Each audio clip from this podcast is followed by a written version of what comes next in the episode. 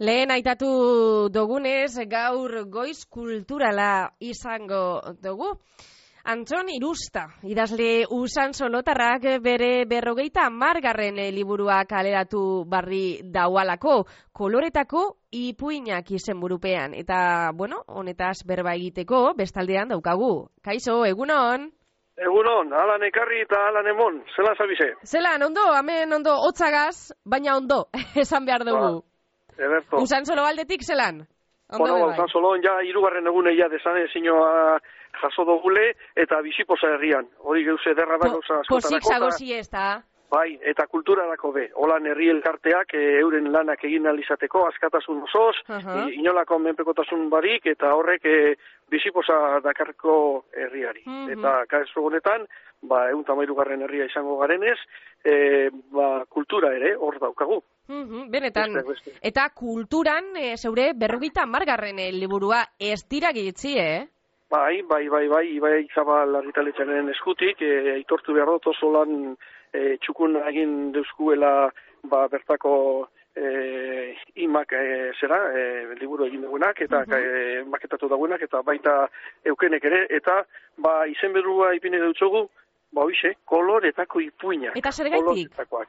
Ba, zela esango nuzkizu, mm, nire ustez koloreak eta ipuinak eh, elkarturik doan. Eta esango neuke ipuin bakotzak usain eta kolore propio daukazala. Mhm. Eh, poeta batek esaten dugu moduen, e, konteistezu ipuin bat, ezeiztezu kolore bat, eta laster baten esango deutzut, triste edo pozik zagozan. Ni guran eban egin, ba, alako eta handik eta hemendik hainbat e, ipuin liburu egin dugu ez, oraingoan, ba, kolore bizia deukizen ipuinak, horrez egeitik. Mhm. Eta, bueno, e, zertan datza koloretako ipuinak ze historio dauko? Ba, begiratu, beti gustatu izan jat handik eta hemendik kultura di, hainbat kultura diferentetakoak e, ba, ikustea eta aztertzeak. Eta kasu honetan, ba, liburuko ipuin guztiek badeuki ezaguarri komun bat. Eta da, gertaera bereziak eta abentura partekoak kontatzeaz batera, Mhm. eguneroko bizimoduagaz lotutako itaun bateri eman gure dutxila erantzuna. Eta horregatik, ba, asko guzetan jataz, zergaitik dagoen gatza itazoko, zergaitik daukan gatza itazoko urak, edo nondi datorren tearen kondaira, eta apur bat, em, ja, jakin gura zabaldu deutzon, eh, zabaldu deutzon eh, zerari, Mhm. eh, irakurleari, bai. Eta ze irakurle motari dago bideratuta ipuina? Osa, ipuina, bai, e, eh, ba, liburua. beti eh, ipinten duzko liburu guztietan matrikula, baina eh, da eh, adine moduen, ipuinek ez dauki adinik, eta nik eh, gaztetxoentzako idazten dut, eh, baina edo zeinek irakurri lehio, ez da? Eta apurbet, esango neuke, ba, sei amabi amala urteko gaztetxoentzat, e, e, euskera errezean eta oskotasunen mundutik hurbil dagozan ipuinak dira, eta hor franja horretan e, ba, jartzekotan e, biniko neuke.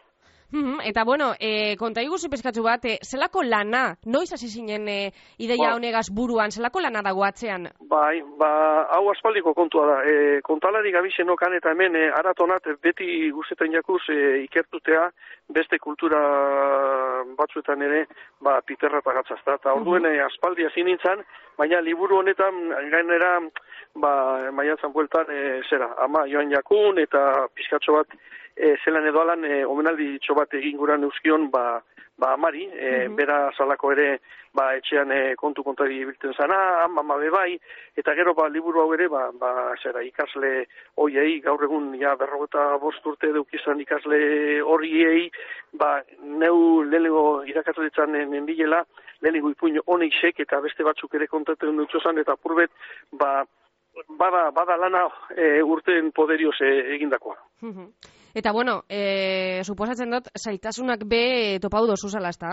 Bai, bai, ze, e, zuk lehiduten duzu ipuin bat frantsesez edo lehiduten duzu beste ipuin bat ingelesez, eta bakotzak emoten dutzu bere ikutu propio. Eta horrez egaitik, ba, kosteuiat, apurbet, e, aratago joan, Afrikako e, herri hausko mundure, eta gero Ego Amerikan ere, eta gero ba, jenteagaz ere egonaz, eta eurekaz e, berba egin, eta apurbet e, gero neuke zera, ba, apur bat e, egin doana izan da gure gure hizkuntzara bideratu, e, irakurteko eta ahos kontateko ipuinak izateko. Etorkizunari begira, Antxon, berrogeita maikagarren liburua egongo da? Bai, bueno, txiri txiri, joanean joanean, aldanean dana eta zindanean aldana, baina e, zikirar e, azmetz hori badaukagu, eta pitinke pitinke pentsetan dut, ba, e, ingo dugule beste historiotxo bat, beste kontu bet, beste zeregin bat izango dugula epe laburrera. Ederto, ba oso adi egongo, egongo gara, ba sorionak berrogeita margarren e, liburu honegaitik antzon benetan, berrogeita mar liburu idazteak em, meritua badeko, eh? Bueno, ba, bai, e, beti, zera, e, esaten dan moduen euskaltzaiaren eseretan, ez da, emonta zabal dizu, eta ni horretan, e, ni horretan diardut, ba, nire astuari e, arre egin dedo, baina apurbet zabalkunde lanak egin gurean. Mhm. Ederto, ba, Antzon Irusta, eskerrik asko geurean e, egotea arren, eta sorterik e, onena e, liburu honegaz. Bai, ba, laster, ja, badago, ja, ze, zabaldute, ja, durangon be izango dugu, han bertan be egongo gara, Uh eta gaur bertan esate baterako, ba, ikasle hoiekaz, ba, kontu kontari jardungo dugu. Bai. E, ederto, orduan esandakoa Durangoko azokan hortze egongo da zure liburua Bai. salgai be bai. Bai, alantze. Ederto, ba eskerrik asko. Ez horreitik, Urrengor arte agur. bai, agura.